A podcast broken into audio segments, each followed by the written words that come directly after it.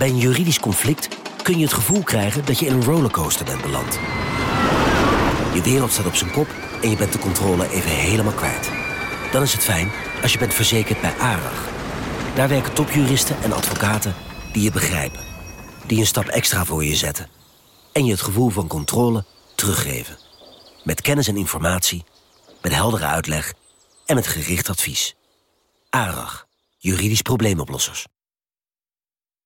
Wie reist met NS, reist net even anders. Wij reizen groen, zonder moeite te doen. Oh, zo kan je dus ook een dagje weg. En wij werken in stilte. In stilte? Nou ja, met oortjes dan. Oh. Zo gaan we iedere dag vooruit. Wij allemaal. Stap je ook in?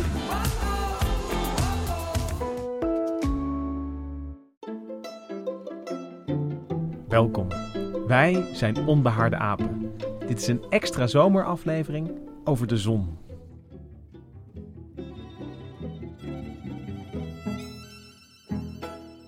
De zon. We zoeken hem meestal op in deze maanden. We nemen hem ook wel voor lief. We aanbidden hem. En de zon, ja, voor mij was het duidelijk dat het een, ja, een echt een fysiek object was toen ik ongeveer een jaar of tien was en in een kinderencyclopedie las dat het levensduur van de zon eindig is. Dat de zon eigenlijk al op de helft van zijn leven zit en over 5 miljard jaar nou ja, eerst uit gaat zetten uh, en dan uitdooft. Ja, dat vond ik wel schokkend als kind. Dat uh, die zon die ons warmte en licht geeft, dat die uiteindelijk ook de aarde op zal slokken. En sindsdien heb ik altijd een soort ja, respect en een soort dankbaarheid gevoeld dat die zon daar in die hemel hangt en ons verwarmt en verlicht. En uh, ja, ben ik dankbaar dat hij uh, straalt zolang hij straalt. En dat ik er in ieder geval in mijn leven nog zeker van kan zijn dat die zon er is. Um, we gaan het vandaag hebben over de zon in deze zomeraflevering. En dat doe ik niet in mijn eentje. Ik zit hier in de studio met Hendrik Spiering. Hallo. En ik zit ook in de studio met Gemma Venhuizen. Met z'n drieën weer. Ja, en dat kan omdat we hier mooie glazen schermen hebben geïnstalleerd. Die uh, uh, licht doorlaten. En dus we kunnen elkaar zien. Maar tegelijkertijd zijn we veilig. We kunnen niet meer spugen. We kunnen niet meer op elkaar spugen. Zoals uh, dat vroeger dat wel Alleen eens gebeurde. in de microfoon. ja, we zitten hier dus eigenlijk in de samenstelling van het originele trio. En wij gaan het vandaag hebben over de zon. En dat doen we um, op een beetje een andere manier dan anders. Um, we laten ons in ieder geval muzikaal begeleiden door het Dudok kwartet wederom. Heel veel dank dat we uh, jullie muziek weer mogen gebruiken. Um, Hendrik, wat heb jij precies uh, uitgekozen? Het zijn strijkkwartetten ook? Ja, het zijn strijkkwartetten. Het, het Dudok kwartet is een Nederlands strijkkwartet. En die hebben toevallig dit jaar twee cd's opgenomen met alle werken van Haydn Opus 20. Dat zijn zes kwartetten. En uh, ik zat over deze podcast na te denken. Nee, schoot me te binnen dat de bijnaam van al die zes kwartetten, die is Die Zonne. Het kwartet uit 1772. Ik moet eerlijk zijn, ik moet zeggen dat die bijnaam eigenlijk nergens op slaat. Want dat is toevallig, ik heb het hier bij me, een, een van de eerste uitgaves daarvan. Ik heb een fotootje. En daar zie je een soort zonnefiguurtje op staan. Een soort lachend zonnetje ja, eigenlijk. Het kan ook een pompoen zijn met een gezichtje erin. Dus het is dus niet zo dat we nu lekker drie kwartier kunnen zwijgen en de muziek al het werk kunnen laten doen. Nou, dat kan wel. En, want het zijn namelijk heel erg mooie kwartetten. En het zijn ook heel mooi gespeelde kwartetten. Het leuke is dat ik uh, uit de amateurmuziek heb ik geleerd... hoe kun je horen of iets van Haydn of Mozart is. En dat was, het cliché was altijd... Als het leuk is, is Haydn. Als het mooi is, is Mozart.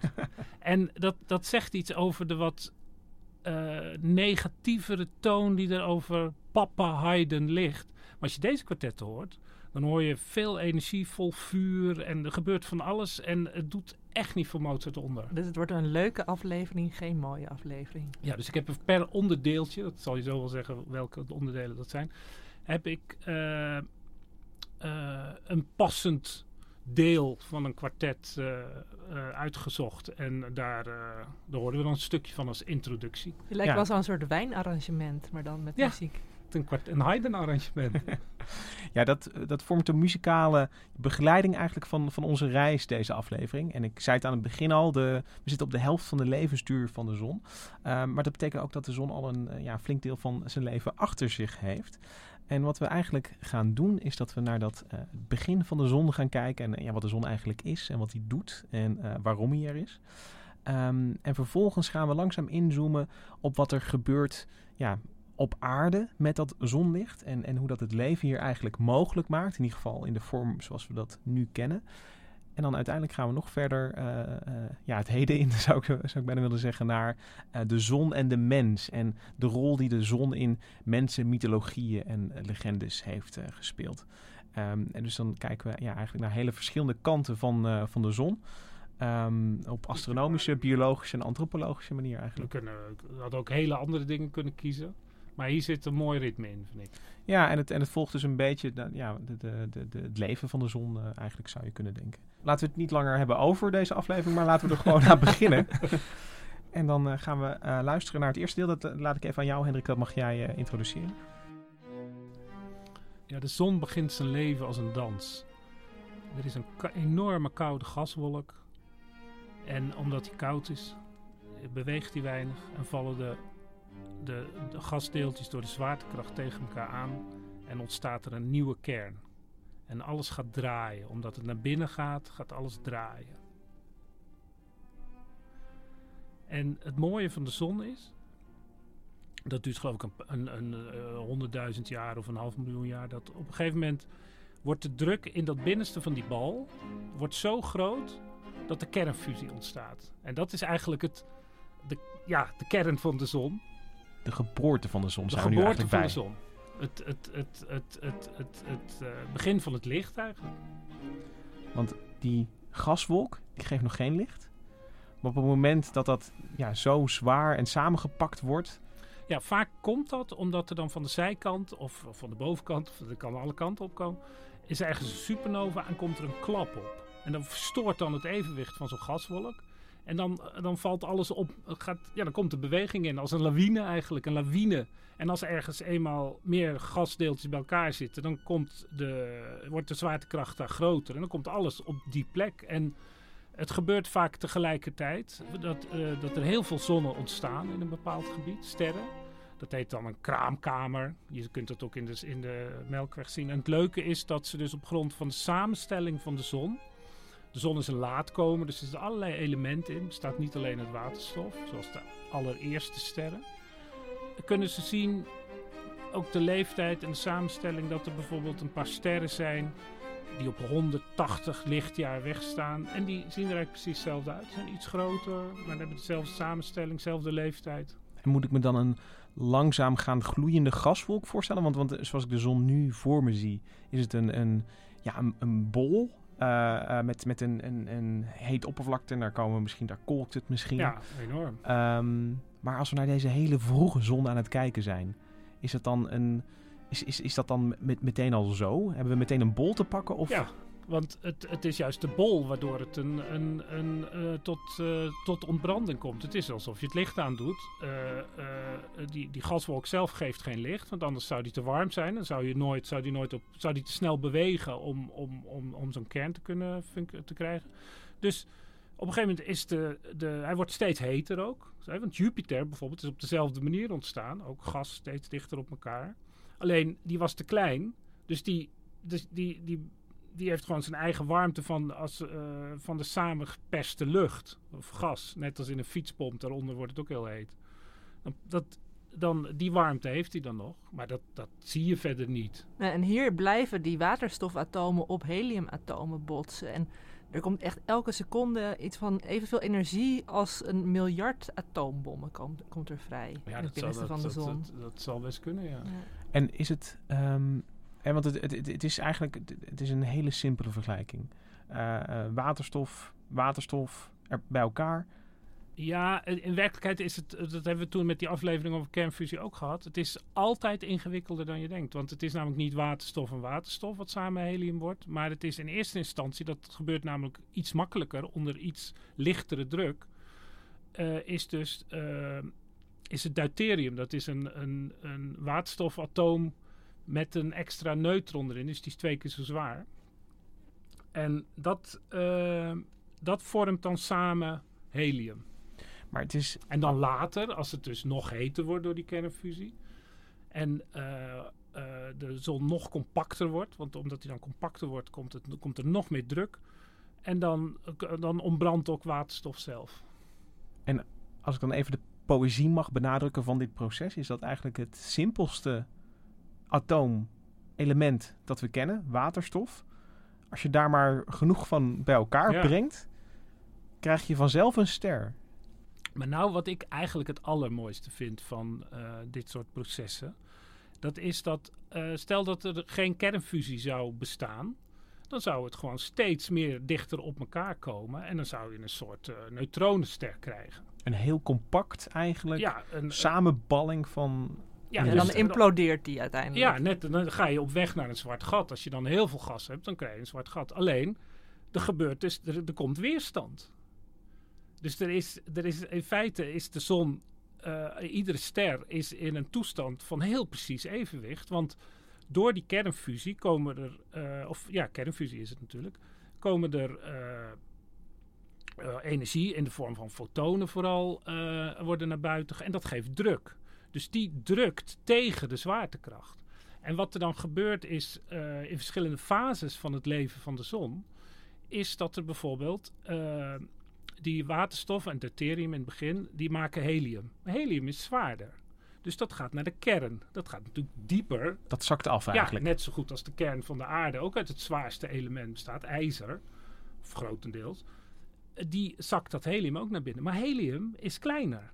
Dat kan je dichter, dat is ook zwaarder, dus dan kan je meer dingen dichter op elkaar pakken. Dus die zon als geheel wordt ook kleiner. Dus dan verhoogt de druk weer. Maar dan, doordat die druk verhoogt, wordt de temperatuur ook hoger. Dus een soort dan- dynamisch evenwicht Ja. ontstaat er. Ja. En dus er, er is voortdurend een, een aanpassing. En er zijn fases in het leven van de zon, van de ster, daar, dat, dat, daar, daar zijn we nu nog niet aan toe. Dat er zo'n wankel evenwicht is dat hij de hele tijd eh, eh, ploft. ja, want dan- ik las dat hij nu ongeveer 110 keer zo groot is als de aarde. Maar dat kan dus enorm verschillen door de geschiedenis heen. Ja, er is zo'n. eh, er is zo'n. Dan moet ik even een papiertje erbij pakken, daar staat het heel duidelijk bij. Er zijn verschillende fases. Dat kan je zo ingewikkeld maken als je wil.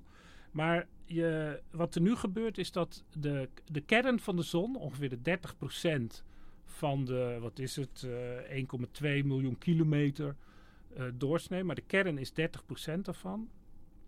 Die, daar vindt de eh, eh, kernfusie plaats. En er wordt dus waterstof omgezet in helium. En langzaam komt dus die, eh, die brandende waterstof wordt naar buiten gedrukt. Want die helium heeft nog niet de druk om zelf tot ontbranding te komen. Dat is eigenlijk een dode kern.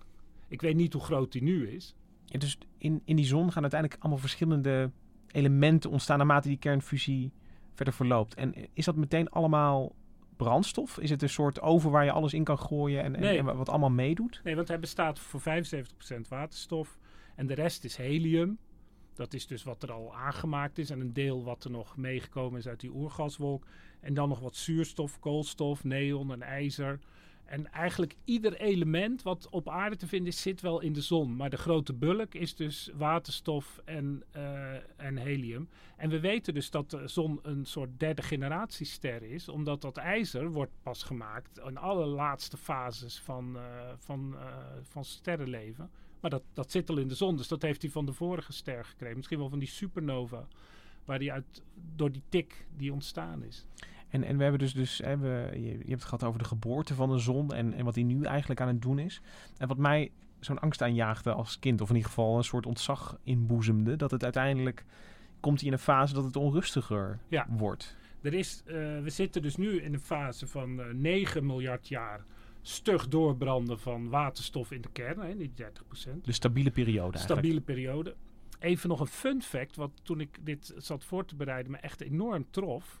Dat eigenlijk alleen in die kern is de, is de druk heel hoog. En daarboven wordt het steeds minder druk. En aan het einde van de zon, het gemiddelde druk in de zon is veel lager dan eh, in de atmosfeer op aarde. Omdat dat heel snel verloopt. En de buitenste randen is, is minder gas dan eh, eh, op de hoogste berg van, van, van, van de aarde. En ook minder warm dus. Want Nee, want de hitte is enorm. Ook, ook aan de, want buiten is het 6000 graden. Weet jij hoe het binnenin dan is? Ja, de, de, de, de, de kern is het heet. Dat is 10 miljoen graden. Dat is dus, ja, dat kunnen we ons eh, niet voorstellen.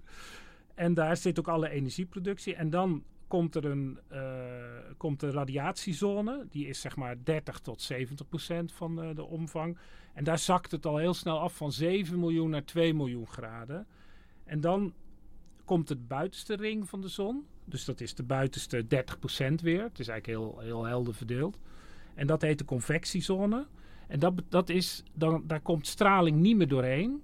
Maar daar, daar wordt de warmte die van binnen komt verplaatst door convectie. Eigenlijk als in een lavalamp. Dus er komen bellen naar boven eh, van heet materiaal. Die koelen af aan het oppervlakte en die gaan dan weer terug. Dus dat is een enorme beweging van, eh, van gas. En eh, totaal verstoord door allemaal magnetische velden die daar ook Zie ontstaan. je ook Maar wel mooi van die foto's, toch? Als je naar de zon kijkt. Je ziet wel dat er van alles kolkt en beweegt in die hete bol gas. Ja, en de buitenste rand, Nee, dat is de... de, je, de fun fact die leidt heel erg af van eh, wa- waar, het je naar vroeg. Naar, wa- wa- waar, gaat het eindigen? Wat, wat, wat gaat er dan...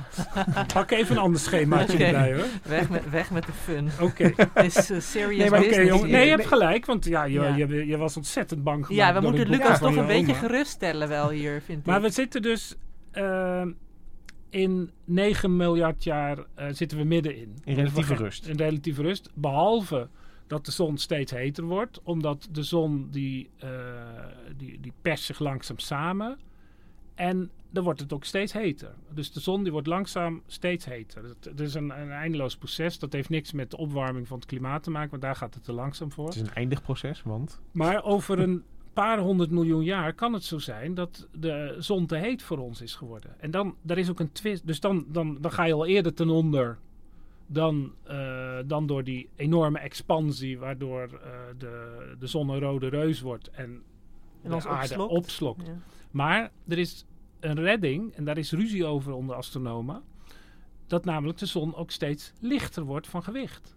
Dus dat betekent dat de baan van de aarde steeds verder weg gaat, omdat die minder wordt aangetrokken. En de vraag is, gaan we misschien net snel genoeg naar buiten om niet helemaal ten onder te gaan in die warmer wordende zon? Het zou kunnen dat we net, net door die, die verminderde zwaartekracht eigenlijk Ja. net, net, net genoeg afstand nemen. Social distancing Ja. vanaf de zon. Ja, ja. Dat, dat we die toenemende hitte kunnen aankunnen. Ja, Maar dat is wel een heel precair evenwicht. Ja, en de wat, de wat, wat pessimistischere, zou bijna zeggen epidemiologisch aangelegde eh, astronomen, die, eh, die zeggen dan dat het hele zonnestelsel dan ook in de war gaat. Dus misschien komt Mars dan ineens ook weer eh, bij ons in de buurt zitten. Ja, maar als Lucas dat zijn fijn. kinderencyclopedie had gelezen, dan was het al helemaal... Eh, ik, ik, werd, ik werd vooral getroffen. eh, je, je hebt eerst die, die eh, fase van uitdijing eigenlijk. En, en, en dat is dus verschroeiend, verzengend. Daar, daar, dat overleeft de aarde zeg maar niet. En dan daarna de totale koelte. Dan is de zon uit. Daar kom ik op. En dat is, dat is, er zijn, zijn in die hele eh, eh, eh, gang van de zon zijn er twee dingen die me enorm aanspreken. Dat vind ik heel mooi, als, ook als, poëti- als poëzie. We zitten dus in die 9 miljard, dat gewoon doorgaat. En dan eh, ontstaat wat ik net vertelde over die, die kern die dan uit eh, dood helium bestaat. En eh, dan, dat is een langzaam proces, maar dan groeit dus de zon, wordt een, een rode reus na die 9 miljard. En dat, dan, dan brandt niet de kern, maar dan brandt de, die rand van waterstof eromheen. En ehm, het, het mooie is dat je dan, na weer een miljard jaar, dan krijg je de helium flash, zoals het in het, de, de, de heliumknal. Door, door, de, door dat, de toenemende druk en warmte komt die dode bal van helium, die komt tot ontbranding. En dan een seconde lange durende flits, waarin dat in één keer baf, komt, het, eh, komt die tot ontbranding.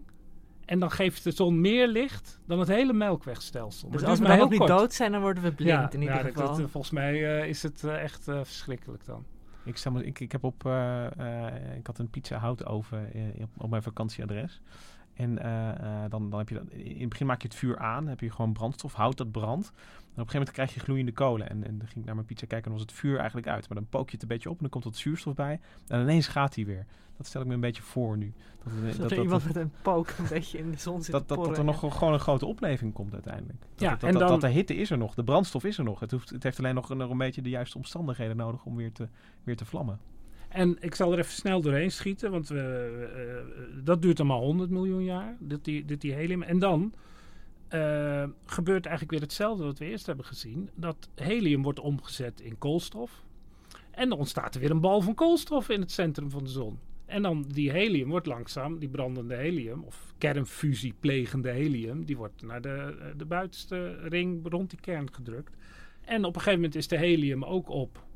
En dan hou je alleen die carbon over. En dan komen we weer op dat andere, dit, is zeg maar het tweede mooie element.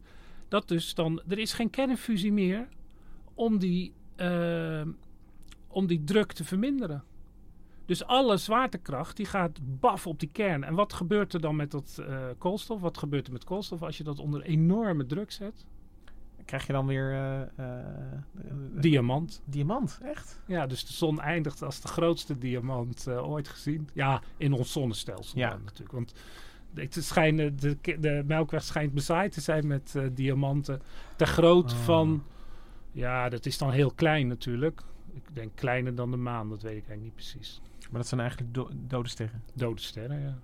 Ze fonkelen alleen nog als je er zelf licht op schijnt. Het wordt wel een zwarte dwerg genoemd, maar dat schijnt uh, ook weer als een scheldwoord te worden gezien in. Uh, dat snap ik ook alweer. Maar dat zie ik als Omdat een hele toekomstige lijn van exploitatie. Dat mensen gewoon uh, diamanten gaan winnen Ja. in de melkweg. En je hebt ons even meegenomen naar uh, het begin en het einde van de zon eigenlijk. Naar uh, ja, wat er gebeurt met die gasbol uiteindelijk. Maar dat is niet het hele verhaal. Want ondertussen gebeurt er natuurlijk van alles. Met het zonlicht dat in al die tijd wordt uitgestraald en al die planeten van het zonnestelsel bereikt. Het land bijvoorbeeld hier allemaal op onze eigen planeet Aarde. En het is ongeveer 2,5 miljard jaar geleden, denk ik, Gemma, dat we het over hebben, dat er eigenlijk iets bijzonders gebeurt. Ik neem jullie mee naar die oude aarde, ruim 2,5 miljard jaar geleden. En net zoals de zon natuurlijk ook gewoon een soort van samenstelling verandert, is datzelfde gebeurd met de aardatmosfeer. Want wat het bijzondere was aan die atmosfeer destijds, was CO2 aanwezig, uh, stikstof, waterstof, maar nog geen zuurstof. Wel waren er al hele vroege vormen van leven en het was zo rond die tijd, 2,7 miljard jaar geleden, dat de cyanobacteriën ontstonden. Ook wel bekend als blauwalgen. En um, om je een idee te geven hoe die eruit zagen, dat waren een soort enorme matten van, van, van blauwalgen. En ze, je kunt ze nu nog uh, zien, ook in fossiele vorm. Ik weet niet of jullie wel eens van stromatolieten hebben gehoord. Ik heb ze wel eens van gehoord. Heb je ze ook wel eens gezien? Ik heb ze alleen op plaatjes gezien, helaas. Ja, nou ja, ze kunnen verschillende vormen aannemen. Soms een beetje koepel- of bolvormig, soms wat platter. Maar ze worden ook wel als versteende microbenriffen omschreven. Want eigenlijk die, die blauwalgmatten, die, die cyanobacteriën, die vingen tijdens hun groei vingen ze ook sedimentdeeltjes in. En zo zijn er hele gelaagde kalksteenstructuren ontstaan. Uh, nou, leuk uitstapje naar de fossiele wereld. Maar waar het om ging, is dat die cyanobacteriën in feite de allereerste waren die fotosynthese bedreven. Of in ieder geval een vorm van fotosynthese die vergelijkbaar is met wat wij nu kennen van de planten. Want er wordt ook wel gezegd van ja, daarvoor zou er nog een zogeheten anoxische uh, fotosynthese geweest kunnen zijn. Dat was dan van bacteriën die deden wel iets met dat zonlicht, maar daar kwam geen zuurstof bij vrij. En dat is het bijzondere aan de cyanobacteriën, want zij zorgden voor het ontstaan van zuurstof in de atmosfeer. En nou wil ik ook heel even jullie, nou, misschien mag Lucas niet meedoen, want die heeft uh, nog wat meer biologische achtergrondkennis. Maar Hendrik, weet jij nog van de middelbare school de formule van fotosynthese? Ik weet dat ik hem gehad heb en ik, zal, ik heb er volgens mij een voldoende voor gehaald, maar ik zou hem niet meer kunnen herhalen natuurlijk. Oké, okay, Lucas, nou dan de eer aan jou. Er zitten heel veel zessen in, uh, ja. kan ik alvast verklappen. Uh, um, zessen? Ja. Wat is dat nou voor element? ja, heel zeldzaam element. In de, in de, de, de mathematische scheikundige oh. formule zit vaak het getal 6. Uh, nee, je, je neemt uh, CO2 en uh, je neemt... oh, nu moet ik het... ja, ik, wel goed. Ik, ik, ik, ik, kan het ook gewoon vertellen. Ja, H, H2O eigenlijk. Begin maar even opnieuw. nou, nee, ik, ik, ik vind, je zou in ieder geval een 6 hebben gekregen van mij uh, voor je biologieproefwerk. Uh, 6 CO2 plus 6 H2O ja, is C6H12O6, oftewel glucose, plus 6O2, oftewel zuurstof. En, ehm, Dat is ook simpel eigenlijk. ja, het, het is heel simpel. En eigenlijk is het grappig, het, het, het hele proces lijkt ook vrij eenvoudig. Want die eh, vroege cyanobacteriën die hadden een soort antenne eigenlijk. En die, was, eh, die bestond uit chlorofielmoleculen. En eh chlorofiel, dat kennen jullie wel als het, het pigment eigenlijk. Hè? Die, die bladgroenkorrels die je ook in planten heb- hebt. En waardoor planten ook een groene kleur hebben. En die antenne van chlorofielmoleculen die zorgde voor het invangen van het zonlicht. Want dat is wel, eh, ik, ik bedoel, ga er maar aan staan als eh, eh, mi- mi- microbe. Kijk, kijk, kijk, dat zonlicht ergens opvalt en het, en het verwarmt, dat, ja, dat, dat gebeurt. Weet je wel, van, van, en als je een steen in de zon legt, wordt die ook warm. Ja, de, de, het licht bestaat ongeveer voor eh, de helft uit infrarood en eh 40% uit eh, eh, zichtbaar licht en dan nog eh, de rest UV-licht. En, maar wa- wat je moet doen om er iets mee...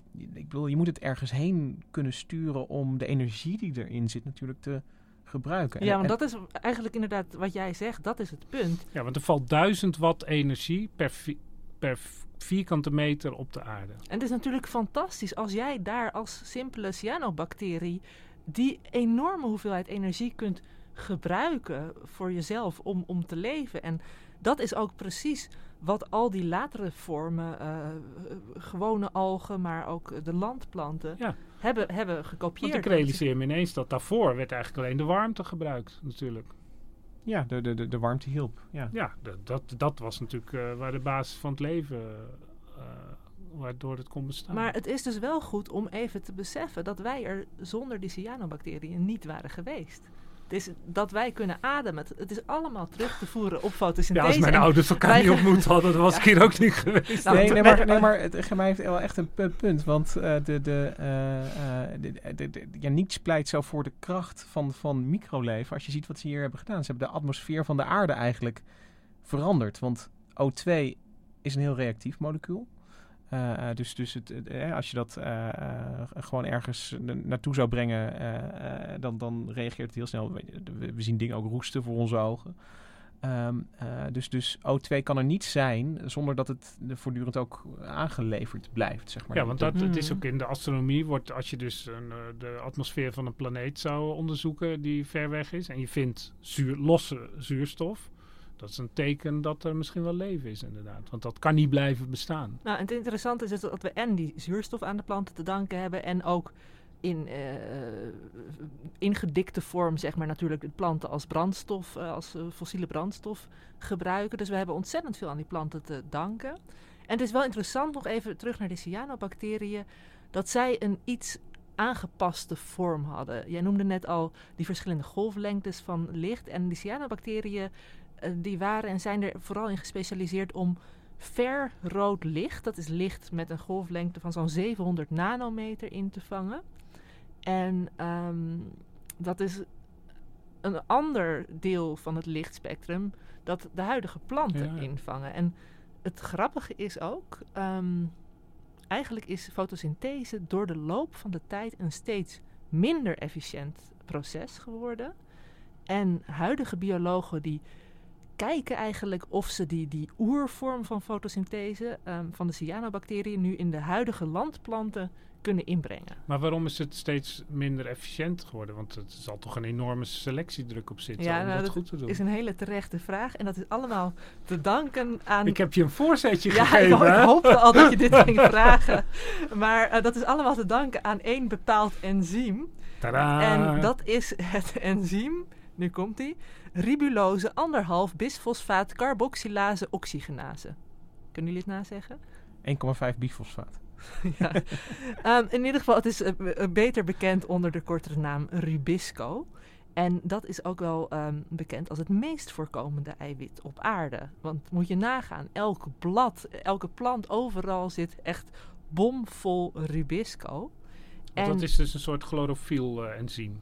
Nou, eh, de functie van Rubisco is dat het koolstofdioxide, CO2 dus, helpt te binden. Daar komt ook die naam carboxylase vandaan, want het heeft een zogeheten carboxylatiefunctie. En daarmee wordt dat CO2 in de bladgroenkorrels, in het chlorofiel, uh, gekoppeld aan een organische verbinding. En die wordt weer omgezet in een carbonzuur. En dat ligt weer aan de basis van glucose. Nou, dat is. Uh, hè, ik, ik, toen ik uh, me hierin ging verdiepen, kwam er een hoop oude scheikunde en natuurkunde weer naar boven. Maar wat je dus. Rubisco is aan de ene kant onmisbaar, helpt de planten dus bij dat vastleggen van CO2, wat we uit de formule weten noodzakelijk is voor, voor de fotosynthese. Maar het inefficiënte ervan is dat bij pakweg 1 op de 3 reacties, dan heb je niet die carboxylase, maar dan heb je juist oxidatie.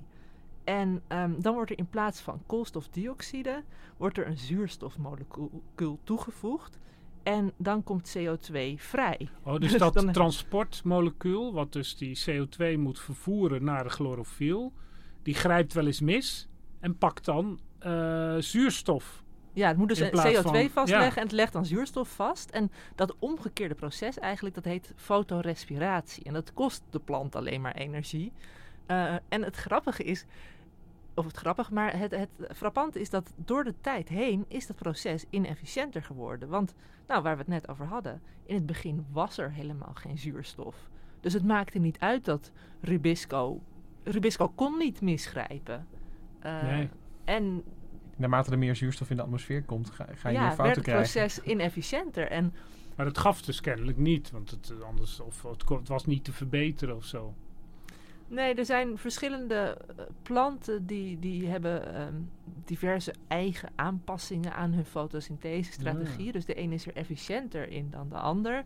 En wat ik net zei, er zijn nu biologen ook aan het kijken of ze op kunstmatige wijze dat hele proces nog een extra boost kunnen geven. Dat, dat we die planten nog efficiënter kunnen laten groeien. Wat kunnen helpen. Met ja, en dat is natuurlijk uh, vanuit het oogpunt van uh, extra gewassen of snel groeiende gewassen zou dat heel voordelig kunnen zijn. Het lijkt ook een beetje, zeg maar, die, die, die, die slechtere werking lijkt ook een beetje op uh, onze rode bloedlichaampjes die ook koolmonoxide liever meenemen dan zuurstof. Ik moest daar, ik, het was precies die gedachte die ik ook. Uh, nou, ik had net een andere gedachte. Ik moest ook aan rode bloedlichaampjes denken, maar die kunnen.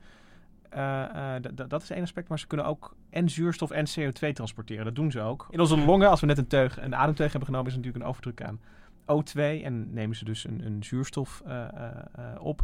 En als ze dieper in het lichaam geven, dan is er een overdruk aan CO2 en dan, ze, dan raken ze die O2 weer kwijt. Dus dat kan allebei de kant op. En dat doet Rubisco dus eigenlijk ook. Dus het, ja, het is eigenlijk een soort, soort schakelaar die beide kanten op werkt. Alleen aan de ene kant hebben de planten niks aan. Uh, die fotorespiratie, nee. daar zit niemand op te wachten. Want hoe komt dan die zuurstof van die, uh, pro dat product... Dat wordt gewoon door de huidmondjes naar buiten gegooid. Daar is dat Rubisco niet voor nodig. Dat, want de plant produceert zuurstof. Hoe komt dat naar buiten? Hoe komt dat uit de cel? Doet dat Rubisco dat ook? Of, uh... Ja, het is een heel uh, samenspel van allerlei uh, enzymen en moleculen. Ja. En, we hebben er nu eigenlijk we... maar twee uitgelicht. Je hebt ja. de, de, de antenne, zeg maar, waarmee het, het, het, het, lichtpakketje wordt gevangen. En en, en het, het machientje dat zeg maar de, de, de C van de CO2 afhaalt. Ja, maar ik kan jullie nog echt uh, urenlang doorvertellen over lichtreacties en donkerreacties en de Calvin-cyclus en ATP. En het is wel een leuke discussie of dat uh, zeg maar uh, grotere orde heeft dan de, dan de zon of niet denk het eigenlijk wel. Wat maar dan komen we in allerlei hele ingewikkelde entropie-discussies. Laten we dat niet doen. Is maar, het ingewikkelder dan de zon? Dat is de vraag. Maar, maar de, de, de, het leuke vind ik is, is dat je, uh, je... Je begon met die ja, bruto formule eigenlijk. Hè, dus, dus dat is helemaal onderaan de streep... als alle uh, transacties zeg maar, zijn verhandeld... is, is dat wat er, wat er netto gebeurt. Maar als je dan onder de motorkap gaat kijken... dan zijn er eigenlijk allemaal onderdeeltjes... die allemaal hun, hun eigen dingetje moeten doen... Ja dat doet me trouwens enorm denken aan het binnenste van de zon. Nee, dat is echt waar. Want het binnenste van de zon produceert eigenlijk gammastraling en, en zware straling. Dat komt vrij bij de kernfusie. Is gammastraling hetzelfde als röntgenstraling? Of? Nee, röntgenstraling is iets zwakker. Okay. Zeg maar, iets minder energie. Dat loopt gewoon zo door. Ja. En dat zou dus normaal gewoon bij ons op ons dak gegooid worden, waar het niet. Dat daar die enorme schil uh, van, die, uh, van, die, van die radiatiezone, die heet ook zo, omdat die die, die fotonen die moeten ook onder die hoge druk in, de, in dat gebied van de zon, van, die tikken de hele tijd moleculen aan. En dan, dan, dan geven ze uh, uh, gammastraling en dan komen dan bijvoorbeeld twee UV uh, fotonen vrij. En dus het ketst langzaam weg. En aan het einde van het liedje is het dus heel afgezwakt. Hmm. En alleen maar zichtbaar licht en infrarood en wat UV. Precies wat we nodig Maar hebben. het grappige is dat zelfs daarvan al kunnen planten heel makkelijk te veel of te weinig krijgen. Nou ja, dat weet je natuurlijk wel met planten in de schaduw. En daar moeten ze ook weer allemaal. Oh, ja. Planten kunnen zich daar wel aan aanpassen, maar dat kost ook weer tijd, kost ook weer energie. Eh, of soms moeten ze juist een deel van de fotosynthese eigenlijk afsluiten om niet al te veel fotonen binnen te krijgen. Dat is allemaal weggooien van energie. Dus er kan nog wel, er zou wel een soort eh, ultramoderne vorm van fotosynthese kunnen ontstaan. Maar krijgen we allemaal blauwe bossen. ja, Ik, ik, weet niet meer wie het heeft gezegd, maar het doet me heel erg denken aan de uitspraak dat eh, ehm, evolutie een sleutelaar is. Een, een tinkerer, weet je wel? Van, Oh, van het, het, het is niet... Stuart eh, Pim heeft dat er. Ja, dat zou kunnen. Maar, het- maar, maar het- Een sleutel, een knutselaar. Ja, knutselaar. Het, het, het, weet je, de, de, eh, eh, ik bedoel, die planten hebben Rubisco eenmaal nodig. En, en ook al gaat dat niet, niet zo efficiënt als je zou willen en kan het, kan het allemaal iets beter, gebeurt dat soms ook. Het is, het is wel, ja, de geschiedenis zit erin. Weet je wel, van, Mm. van het, is, het, is, eh, het is zo ontstaan en eh, daar hebben planten nu mee te werken. En wij hebben ook, ik bedoel, wij hebben ook zuurstof en zonlicht nodig, terwijl dat ook soms nadelige gevolgen voor ons heeft. Dus, dus er, zit, er zit niet een, een, een doel in, maar het sleutelt steeds met wat het heeft, of het knutselt steeds aan wat het Ja, heeft. En, en, en, en zo knutselen we onze weg eh, vooruit Zeg met z'n een soort duct tape good enough constructie. Dat een beetje. Zeg je dat nu omdat je net met duct tape die glazen panelen hebt bevestigd? Ja. Kunnen ook nog een aflevering over duct tape. Nee. Het zou trouwens Ik dacht altijd dat je duct tape als duk, als eende tape schreef. Maar dat heeft echt heel lang geduurd, tot, tot vorig jaar of zo, dat ik de ware spelling eh, kon achterhalen. En ehm, wat ik me nog afvroeg, Gemma, dat, dat eh, eh, zonlicht, dat, dat vindt dus zijn weg eigenlijk, dat wordt eigenlijk biomassa door, door die hele machinerie uiteindelijk. Ehm, is er dat het leven begonnen is zonder die energiebron, dat, dat verbaast me soms nog het meest, zeg maar. Het, het, het is zo, eh, je, je hebt al die energie die dus eh, eh, op de aarde en in de oceanen valt en ons verlicht en verwarmt. Eh, hoe kijk jij daar tegenaan? Dat het, dat het dus dat eigenlijk überhaupt nog... leven is ontstaan. Ja, dat, dat, dat Ja, het, wat vind je daarvan? Ja, nou, maar ik ben nee, maar blij dat- om. ja, maar dat de aarde dus eigenlijk... Het, dat het, eh, de aarde is 4,6 miljard jaar oud. Dat er pas, mm, zeg maar, 2,7 miljard jaar geleden... eh, eh, dat het zo lang heeft geduurd voordat fotosynthese er was. Ja, terwijl er daarvoor. Ja, en dat is dus, vind ik wel. Als, ik, ik heb verschillende papers gelezen, ook over die, die vroege evolutie van fotosynthese. En dat is wel dus ook een punt van discussie. Of er niet toch al zeg rond 3,4 miljard jaar geleden, dat er dus bacteriën wel een vorm van fotosynthese ehm gebruiken. Dus dat ze wel al die, dat zonlicht benutten, maar dat er dus nog geen zuurstof bij vrij kwam. En dat vond ik heel logisch klinken. Dat, dat er dus eigenlijk eh, al wel die, die, die, ehm, dat ze die voordelen eruit ehm, haalden, de bacteriën. Maar Er zijn nog weinig alle- aanwijzingen Ja, voor. dat of- is, dat is een hoop, eh, een, hoop gespeculeer. En ja, het is hoe dan ook, eh, op dat knutselpakket wat je net zei. Het is hoe dan ook, is het hele ontstaan van het leven natuurlijk gewoon super boeiend. En, en, en met Ja, want op- hoe weinig bouwstenen je toch complexe levensvormen En daar hadden we dus de zon ook eigenlijk nog niet voor nodig. Want in die aflevering eh, die we over die diepzee-smokers hadden, waar dan mogelijk leven zou zijn eh, ontstaan. Ja, dat is goed. Dat, dat, dat is autonome warmte die nog uit dat samenballen van eh, dan de zwaardere elementen die de aarde hebben gevormd. Die, die, hebben, die heeft zijn eigen warmte. Daarom is de kern van de aarde nog steeds gesmolten. En die warmte los van de zon. Als we als een losse bal door het heelal waren gekropen, dan, dan had het ook kunnen ontstaan. Ja, of denk aan leven in grotten en zo. Dat vind ik ook wel mooi. Dat er inderdaad gewoon.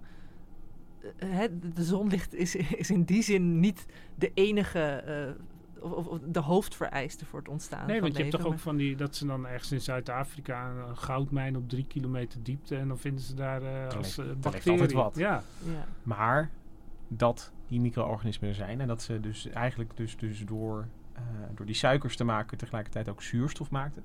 Dat maakt natuurlijk wel mogelijk dat er complexer Ja. leven is. het is eigenlijk Ja, de heliumflash van, de, van het leven geweest. Maar eh, Fotosynthese. ja, het oogverblindende leven. Maar Lucas, wat jij net zei eh, aan het begin, dat je toch altijd wel blij en dankbaar naar de zon omhoog kijkt. Van, goh, wat fijn dat die er is. Dat heb ik ook wel. Dat ik denk van, nou, ik, ik, ik, eh, ja, ik, eh, ik ben heel eh, blij met, eh, met de zon. Ja, en dat complexe leven dus dat het mogelijk heeft gemaakt. En zuurstof maakt, eh, is zo reactief. Daar, daar kun je ook veel energie uit die verbranding halen met moleculen. Dus dat leidde al tot de evolutie van roofdieren uiteindelijk. Van dieren überhaupt. Van, van dieren die energie konden gebruiken. En uiteindelijk zelfs tot dieren met een groot brein in hun kop. Die naar boven konden kijken naar die zon en zich daar vragen over En konden welke stellen. dieren Onbehaarde bedoel je dan? apen. Ik weet niet of een chimp zich ooit eh, naar de zon kijkt of richting de zon kijkt en denkt wat is dat? Nou, er, is, er, is, er zijn uh, uit de primatologie zijn uh, gekke verhalen. Je hebt de regendans van de chimpansees, die als het uh, gaat regenen in het bos ook uh, hele, als je de filmpjes van ziet, heel veel schreeuwen, rondrennen. En dat wordt dan de regendans genoemd. En er is ook uh, een, de ringstaartmakies, wie kent ze niet, ook uit de film Madagaskar. Ze komen uit Madagaskar. Dus met die leuke geringde staarten. Die, uh, die kun je dus aan het begin van de dag in volstrekte aanbidding met hun armen omhoog voor de zon, uh, als de zon opkomt, de zon zien begroeten. Ja, en denk aan, aan de, de zandhagedis en al die koudbloedige reptielen die lekker even een zonnebad nemen. Ja, maar zij staan echt zo met hun handen alsof ze een godsdienstige oefening uh, aan het doen zijn. Maar wat gebeurt er, Hendrik, als wezens met echte godsdienstige gevoelens of complex innerlijk Ja. leven naar de zon gaan kijken en zich afvragen: wat gebeurt daar? Nou, dat is een van de grote raadsels van de prehistorie. Want je ziet uh, tekeningen uh, op de muren van grotten. Wat betekent het? Niemand weet het. Je ziet. Uh, is, is dat een soort godsdienstige dingen geweest? Is, was het jachtmagie? Is magie eigenlijk ook godsdienst? Uh, is het de verering van een, van een droom? Niemand weet dat, omdat er geen bronnen zijn. En als, als voorbeeld zou je kunnen nemen een graftombe van, dus dat is dan al bijna einde van de, van de prehistorie, zeg maar 5000 jaar geleden in Ierland. Er is een graftombe, die is 90 meter in doorsnee, New Grange. En daar loopt dus een hele diepe gang ook naar de centrale kamer, daar kan je in. Het was niet helemaal afgesloten. En op, op rond de uh, midwinter, dus wat is het, 21 uh, december, een paar dagen ervoor en daarna, valt er dus een, precies door die gang, valt, er een, valt het, het licht van de opkomende zon, valt zo paf, precies in die, in die kamer. En dat duurt dan 15 minuten op zijn langst, misschien uh, 17.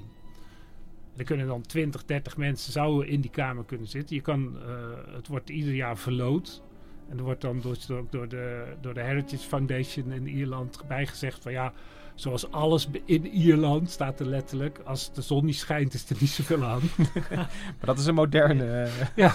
traditie lijkt me, die, die loterij. Het is dus in de jaren 60 ontdekt, want die, die, dat gat waar de zon door valt, precies boven de ingang van die, uh, van die graftombe, uh, dat was een beetje uh, verrommeld. En, uh, en er was dus een oud verhaal dat uh, met midwinter de zon een koning wakker kust of zoiets daaronder. Een, een Keltisch verhaal.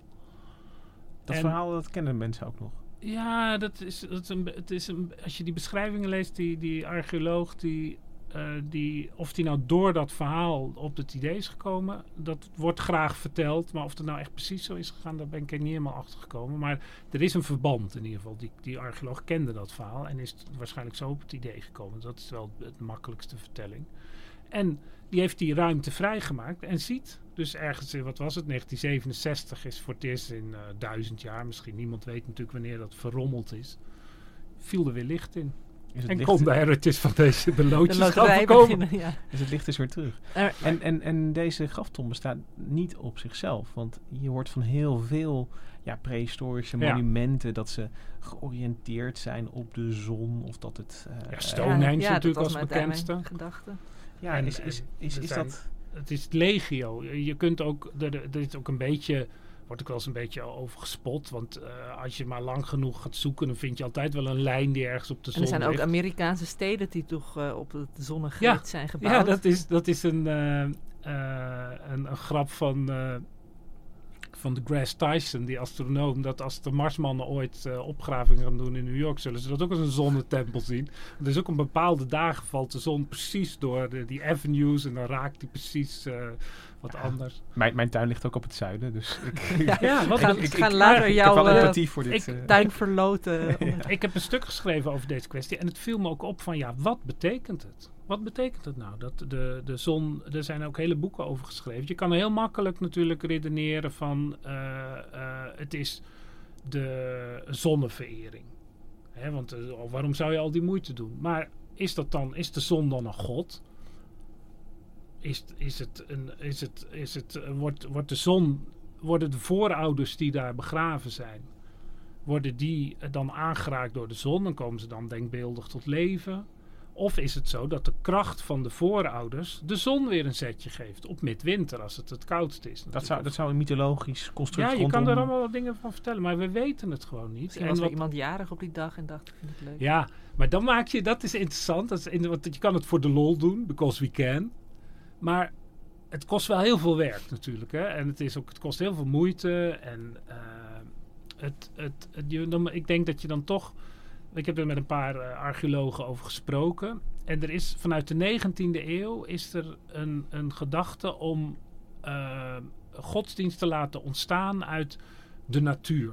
Dat de mensen zo verwonderd waren, zoals jullie nou net ook al over de zon praten. Zo mooi, zo prachtig. Dat ze dat dan gaan vereren. Maar dat, ik, ik sprak eh, Jan Bremmer, een, een godsdienstwetenschapper uit Groningen. Die zei ja, dat is de romantiek van de 19e eeuw ze, ze, uh, ze vonden zelf die, die, die, die overgave aan de natuur zo indrukwekkend dat ze zich niet konden voorstellen dat primitieve oermensen dat niet ook hadden. Want dat was toch de kern van de beleving van de wereld. Maar, dus dat wordt er allemaal is ingelegd. projectie. Dat, ja, dat is voor, vooral een deel hoe, projectie. Hoe zit dat? Ik heb wel eens gehoord dat kerken ook vaak de opening naar het oosten hebben. Ja. Maar Nee, dus die zijn ook op Oost-West gericht. En uh, uh, je kan niet zeggen dat uh, de Heer Jezus een, een zonnegod is. Ja, dat zullen dus mensen ook zeggen. Dat is eigenlijk een zonnegod. Maar dat is natuurlijk niet erg reëel. Maar, een, een, maar er zit een soort zonnesymboliek in die niet tot de kern van die kerk... natuurlijk is het oosten de opgaande zon. Dat is nog wel een beetje een symbool voor... voor daar kan je van alles bij bedenken. Maar het is niet zo dat het christendom nou bijzonder gericht is op de zon. Maar als het uh, gaat over zo'n zo'n tombe, die ja, zo duidelijk zo'n zo mooi moment uh, ja. één keer in het jaar ja. doormaakt, zeg maar. Um, ik, ik snap dat je daar niet meteen een, een hele zonnemythologie uit, uit kan, kan, kan peuteren. Nee, want dan vind je bijvoorbeeld ook, uh, bijvoorbeeld op een andere plek, maar ook hier heb je van die, van die in New Grange, van die, wij noemen het dan Keltisch, maar het is eigenlijk veel ouder, van die prachtige spiralen die dan in elkaar liggen. Zijn dat zonnesymbolen? Je hebt uit, uit, uit op, het, op het vasteland van uh, Europa heb je hele periodes dat je rondjes met kruisjes erin. Is dat versiering? Of is dat een, een diepe verering van, uh, van uh, een soort zonnegod? En ik sprak daarover met David Fontijn, die, die de bronstijd bestudeert vanuit de Universiteit Leiden. En die, die, die zegt, ja, je moet kijken naar wat er is. Er zijn geen tempels, er zijn geen godenbeelden. Er zijn geen... Uh, Als we het hebben over de prehistorie. Over, over ja, de maar... bronstijd. Hè? Ja. Dus het, ik heb het nog gekeken. En we kunnen daar ook nog even iets over Egypte vertellen. Met, met uh, Achnaton. En uh, die dan, Ra, ja. de god Ra. Daar, daar, daar, daar, daar, kunnen we ook een beetje na vertellen. En dan, dan kun je ook beter begrijpen wat ze bezielt. Maar zonder tekst is het toch vaak raden wat het betekent. Mag ik even de, helemaal de andere kant op hangen en nog, nog, nog ja, in ieder geval aanwijzen dat het uh, zinnig is om, uh, de, de, de, om de zon te volgen gedurende een jaar. Omdat dat zo'n invloed heeft op de ja. seizoenen. Op, uh, op de, dus, dus een hele pragmatische reden om ja. goed de zon in de gaten te houden. En, en, um, maar daarvoor hoef je niet een hele grafstombe te bouwen nee. of een Stonehenge. Je zet gewoon een, een, een, een, een rotspaal in de grond en je, je eikt hem. En dan weet je ook wanneer uh, de schaduw het kortst is. Maar ik zit nog wel ook even over het christendom te denken. Want ik zit wel te denken, kerstmis is ook wel een beetje het feest van het licht. Omdat vanaf dan de dagen weer gaan lengen, toch? Dat het zo ja, eind december ja. is. Dus er is wel enige verweven verwovenheid. Ja, maar dat is, er, is, er is verwevenheid met alles natuurlijk. Want er komen ook voortdurend eh, in, in de godenwerelden die we dan kennen, van de Sumeriërs, van de Babyloniërs, dan begint dat. Dan speelt de eh zonnegod speelt een, een, een rol. En, maar je ziet dan ook bijvoorbeeld bij Egypte is dat dan heel duidelijk. Daar heb je dan eh, de zonnegod Ra. Maar die wordt ook weer verbonden met allerlei andere goden. Ja, de zonnegod Ra, die wordt dan weer Ra Horus. De, de, de, de, de god van de twee horizonten. Het, eh, alles loopt door elkaar. En hij heeft ook allemaal verschijningsvormen. Want ik las dat hij soms is hij een soort mestkever die de zon als een balletje poep langs het firmament Ja. voortduwt. En dan weer, weet Ja. ik veel, iets met een kar met Maar, paarden. en, en, en de zon, eh, de, je kunt, dat is het mooie van, vind ik, dat je dan die, die, je hebt bijvoorbeeld in de bronstijd in Europa heb je ook nog een fascinerend object wat ergens in een Deens moeras gevonden is. Wat is iets van, het bijna kinderspeelgoed, maar dan heel groot, maar ook niet bijzonder groot, dus 60 centimeter of zo. En dat bestaat uit een paard die dan een, een groot, eh, ja, kan je toch niet anders zien dan een soort zonnecirkel eh, voorttrekt, die ook belegd is met goud. En aan de achterkant is die zwart. Dus daar is een soort ritueel mee gedaan. Heeft iets met de zon te maken. Want je ziet ook in, in, eh, op het moment dat er karren zijn, eh, wordt meestal de zon ook voorgesteld dat die een, een soort zonnewagen langs het ja, de eh, oude firmament. Grieken waren dat ook, toch? Van, Ja, dat, in Egypte is dat al. Ja. En soms is het een boot ook. Hij gaat met de zon. Als zon gaat hij dan. En in het donker gaat hij met de boot terug. Maar oké, om dan even. ehm, eh, ik, ik wil het even opnemen voor de mensen die wel denken dat, dat, dat de zonnen misschien al vereerd zijn sinds de prehistorie. Is, is dus eigenlijk wat je zegt, is dat zodra we geschreven bronnen hebben, weet je, met beschavingen die geschreven bronnen hebben achtergelaten, en, eh, en, en monumenten, zeg maar, zien we wel meteen een, een connectie met de Nee, zon. want ik, mijn tegenvraag zou zijn: wat bedoel je met verering? Wat is verering? dat eh, de zon een plekje krijgt in, in, een een mythologisch, hè, dus, dus een, een, een, Een ehm, plekje in een verhaal. Ja. Maar dat is nog geen verering. Nee, maar dat is heel veel, heel veel eh, rituelen. Zo bijvoorbeeld als met die zonnewagen die ik net vertel uit de 16e eeuw. zijn ideeën over. Je hebt dan al die Indo-Europese verhalen die we dan uit later tijd een beetje kunnen terugprojecteren. En er, er zijn wel ideeën dat er een, een, een, een, verhaal is wat dan zo is uitgebeeld. Acting out the story. Maar is dat een, een, een geloof zoals wij dat kennen uit het christendom? Dat je, of uit de islam, dat, dat mensen in een soort totale overgave aan één God, Jezus woont in mijn hart, eh, dat, dat zich daar zo aan overgeven. Nou, zover zou ik niet willen gaan ook, denk ik. Ja, maar dan, eh, dan kom je wel op de vraag, wat is verering? ja, Is, misschien is ver- hebben, vereerden de cyanobacteriën de zon al. Ja. ja, maar ik bedoel ook van eh, het... eh, eh, Nee, als je, de, de Aristoteles heeft wel eens gezegd, als, wie, wie van Zeus houdt, is gek. Weet je, dus die, dat hele gevoel van liefde en betrokkenheid, wat wij met verering zien, in ieder geval Jan Bremmer die, die zei dat ook zo, dat het is eigenlijk met christendom de grote revolutie van het christendom geweest. Om dat zo te doen. In het oude jodendom zie je dat eigenlijk ook niet. Maar ik, ik zou ook niet eh, per se de, de, de, de verering die we uit het christendom kennen wi- wi- willen plakken op de prehistorie. Maar weet je, wel, dat, dat eh, ideeën over de zon en, en verhalen Ja. en, en eh, ehm, eh, ja, de, de zagen en, Ja. en legenden, dat dat, dat dat in ieder geval er, er meteen is zodra we geschreven bronnen hebben, dat, dat leidt toch wel Ja, tot, tot, tot dus de conclusie dat, dat, er, dat de zon een bijzondere plek heeft gehad in de ideeënwereld van de mens. Laat ik het dan zo zeggen. Een plek heeft gehad. En hoe bijzonder die is, dat weten we natuurlijk niet. Oké. Want misschien, wat is nou van die, van die New Grains? Want dat vind ik zo'n fascinerend verhaal. Ook door die loterij, eerlijk gezegd. Ik denk dat jij een keer mee gaat Ja, doen. ik moet echt een keer mee gaan doen. Maar ja, dan win je weer niet natuurlijk. Of je wint wel en je moet. Ja, of, en, Met of er slecht is net ja. corona, dan vis je weer achter het net. En dan, maar dat er dus precies op dat moment die zon erin valt. Dat betekent natuurlijk dat de zon een bijzonder verhaal is. Maar is de zon nu ten dienste aan... eh, wie is nou bijzonderder? Die, die, die voorouders, die daar zo'n schitterend graf hebben gekregen. En, en die zijn er ook begraven. Dat zijn ook families. Er is onlangs heel DNA-onderzoek ook geweest. Of is het- gaat het om die zon? Misschien Wie wel speelt de hoofdrol? Ja, misschien En was de is- zon juist gewoon een soort bediende aan de, van de Ja, mens. Dan kan je, je, kan dan, je kan een keuze maken in wat voor verhaal je daar maakt, maar je weet niet zeker of het de goede keuze is. En dan kan je alle, alle rondjes met kruisjes kan je ook bij elkaar optellen en zeggen, zie je wel, het is zonneverering. Nou, maar de, de conclusie... Ik zeg net- dat niet. Nee, nee, oké. Ik vind dat we toch een beetje vriendelijk tegen de zon moeten blijven. Hè? Dat, eh, ja, dat ontzag, eh, dat is ineens een beetje weg. Wat, eh, waar we Ja, maar dat is ook heel mee- interessant. mee Want begonnen. bijvoorbeeld, eh, eh, er wordt vaak gezegd van ja, de zon, de Indo-Europeanen, die, eh, die, die vereerden de zon. Maar ik las ook ergens iemand die zei, ja, dat kan je wel zeggen. Maar als je goed kijkt, is het oudste woord voor zon in het oer-Indo-Europees, ja, dus ook 3000 eh, jaar voor Christus ongeveer, of iets ouder zelfs. Dat is een neutraal woord, een onzijdig woord. Het zon, dus eigenlijk. En dat is heel ongebruikelijk Ik- voor, voor iets wat een persoon zou zijn of vererenswaardig. Dus het is een ding.